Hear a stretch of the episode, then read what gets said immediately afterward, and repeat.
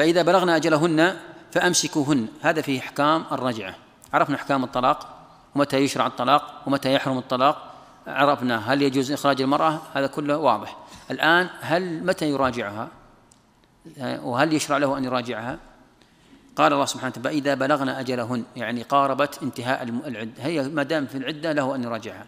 إذا قاربت انتهاء العدة آه، فله أن يراجعها أو يتركها تنتهي عدتها ويتركها ويسرحها. قال فإذا بلغنا أجلهن إذا قاربت المرأة الأجل بمعنى أنها تنتهي مدة التربص فما الحكم؟ فله أن يمسكها بمعروف والمعروف المراد به حسن العشرة من غير إضرار بها. فتجد بعض بعض بعض الرجال يؤذون زوجاتهم بمعنى أنه يطلقها. ثم إذا بقي آه، قليل على انتهاء العدة حتى هي تخرج وتتحرر من من من من تسلط الزوج راح وراجعها. أعادها مرة ثانية. ثم إذا آه، عادها طلقها. ثم إذا قربت أن تنتهي عدتها راجعها. فهذا فيه إيذاء. هذا لا يجوز. لأن الله قال فأمسكوهن بمعروف أو فارقوهن بمعروف. خل المدة تنتهي وهي تخرج من عدتها وتتخلص من إيذاء هذا الرجل. أو فارقوهن بمعروف. قال وأشهدوا ذوي عدل منكم. الإشهاد على الرجعة إذا أراد أن يراجعها له أن يراجعها في أي وقت ما دامت في مدة التربص. فإذا خرجت عن مدة التربص انتهت. يعني هي الآن مثلا تتربص كما سيأتينا مثلا بالأشهر ثلاثة أشهر. إذا أنتهى الشهر الثالث خلاص ما عاد يملكها. يقول راجعتك؟ ما عاد يملك راجعتك. لا بد من عقد جديد وبإذنها ودفع مهر جديد. لكن ما دامت في مدة التربص فهي زوجته يراجعها في أي وقت. قال آه، وإذا أراد أن يراجعها يشهد يشهد استحبابا أن يشهد وأقيموا الشهادة لله. طيب. آه، بعد ذلك آه، الآية اللي بعدها الآية الرابعة قال واللائي يئسن من المحيض من نسائكم إن ارتبتم فعدتهن ثلاثة أشهر واللائي لم يحض وأولاة الأحمال أجلهن أن يضعن حملهن ومن يتق الله يجعل له من أمره يسرا. هذه عدة المرأة. الآن هنا ذكر الله أن ذكر الله عز وجل أو بين الله عز وجل في كتابه أن أن النساء على أصناف في عدتهن. أن النساء في في عدتهن على أصناف. من من النساء من هي آه، إما صغيرة لم تبلغ لم تبلغ المحيض وإما كبيرة قد أيست وزال عنها الحيض. فهذه الصغيرة وهذه الكبيرة حكمها أنها تعتد ثلاثة أشهر. ثلاثة أشهر عدتها.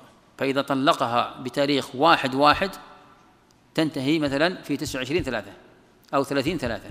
واحد أربعة تخرج من العدة مثلا عدتها ثلاثة أشهر. طيب الصنف الثاني المرأة الحامل. ما عدتها؟ عدتها الوضع. فإذا وضعت خرجت من عدتها. لو طلقها بعد مغرب هذا اليوم مثلا طلقها بعد صلاة المغرب ثم وضعت بعد صلاة العشاء خرجت من العدة أو تضع, تضع بعد تسعة أشهر خرجت من العدة. بقي عندنا المرأة ذوات الأقراء النساء ذوات الأقراء ذوات الحيض.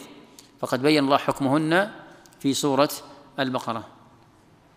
فعدتنا ثلاثة قروء فتعتد ثلاث حيض تعتد ثلاثة فإذا طلقها في طهر لم يمسها فيه أو الحيضة الأولى ثم الحيضة الثانية ثم إذا جاءت الحيضة الثالثة وطهرت من الحيضة الثالثة خرجت من العدة.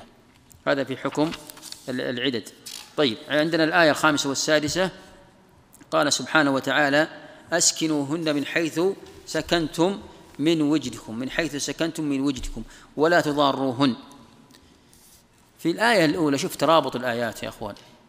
الآية الأولى لا تخرجوهن من بيوت ولا يخرجن يعني وجوب السكنى للمطلقة.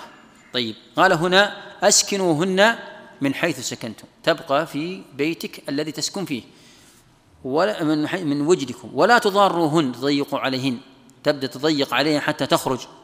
لا يجوز. ولا وإن كن أولات حمل. هذا الآن في في شوف الآيات هذه التي بين أيدينا وهي آيتان الخامسة والسادسة تتحدث عن عدة مسائل. المسألة الأولى سكن المطلقة. المسألة الثانية النفقة على المطلقة.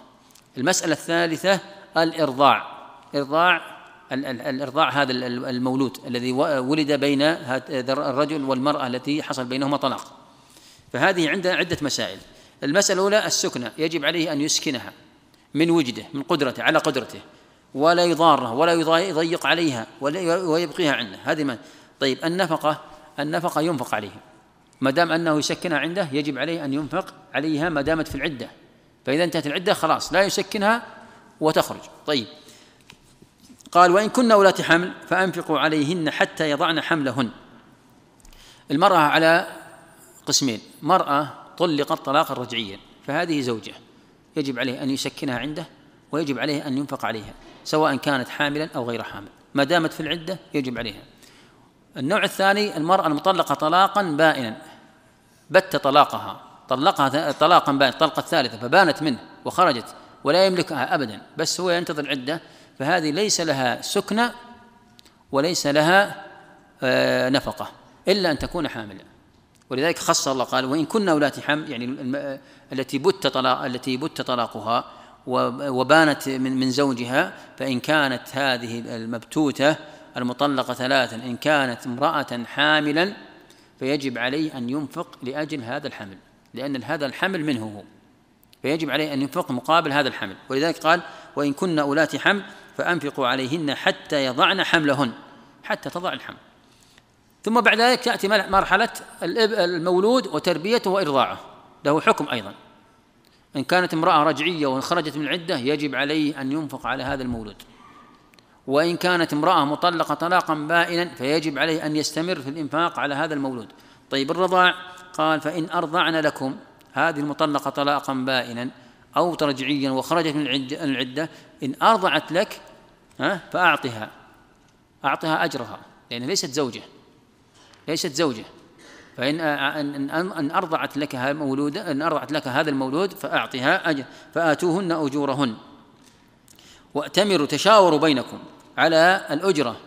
يصير في مشاورة على الأجرة. كم نعطيها؟ كم مقدار الأجرة؟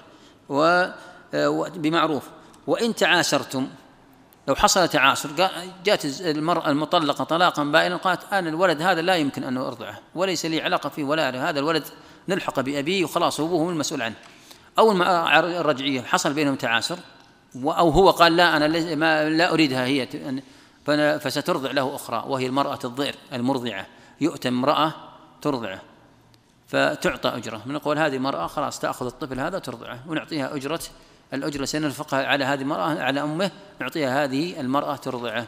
إلا بشرط إذا أبى وامتنع هذا المولود أن يأخذ هذه المرأة يعني أن يرضع من هذه المرأة فيجب على أمه وإن امتنعت يجب عليها أن ترضعه. قال فسترضع له أخرى.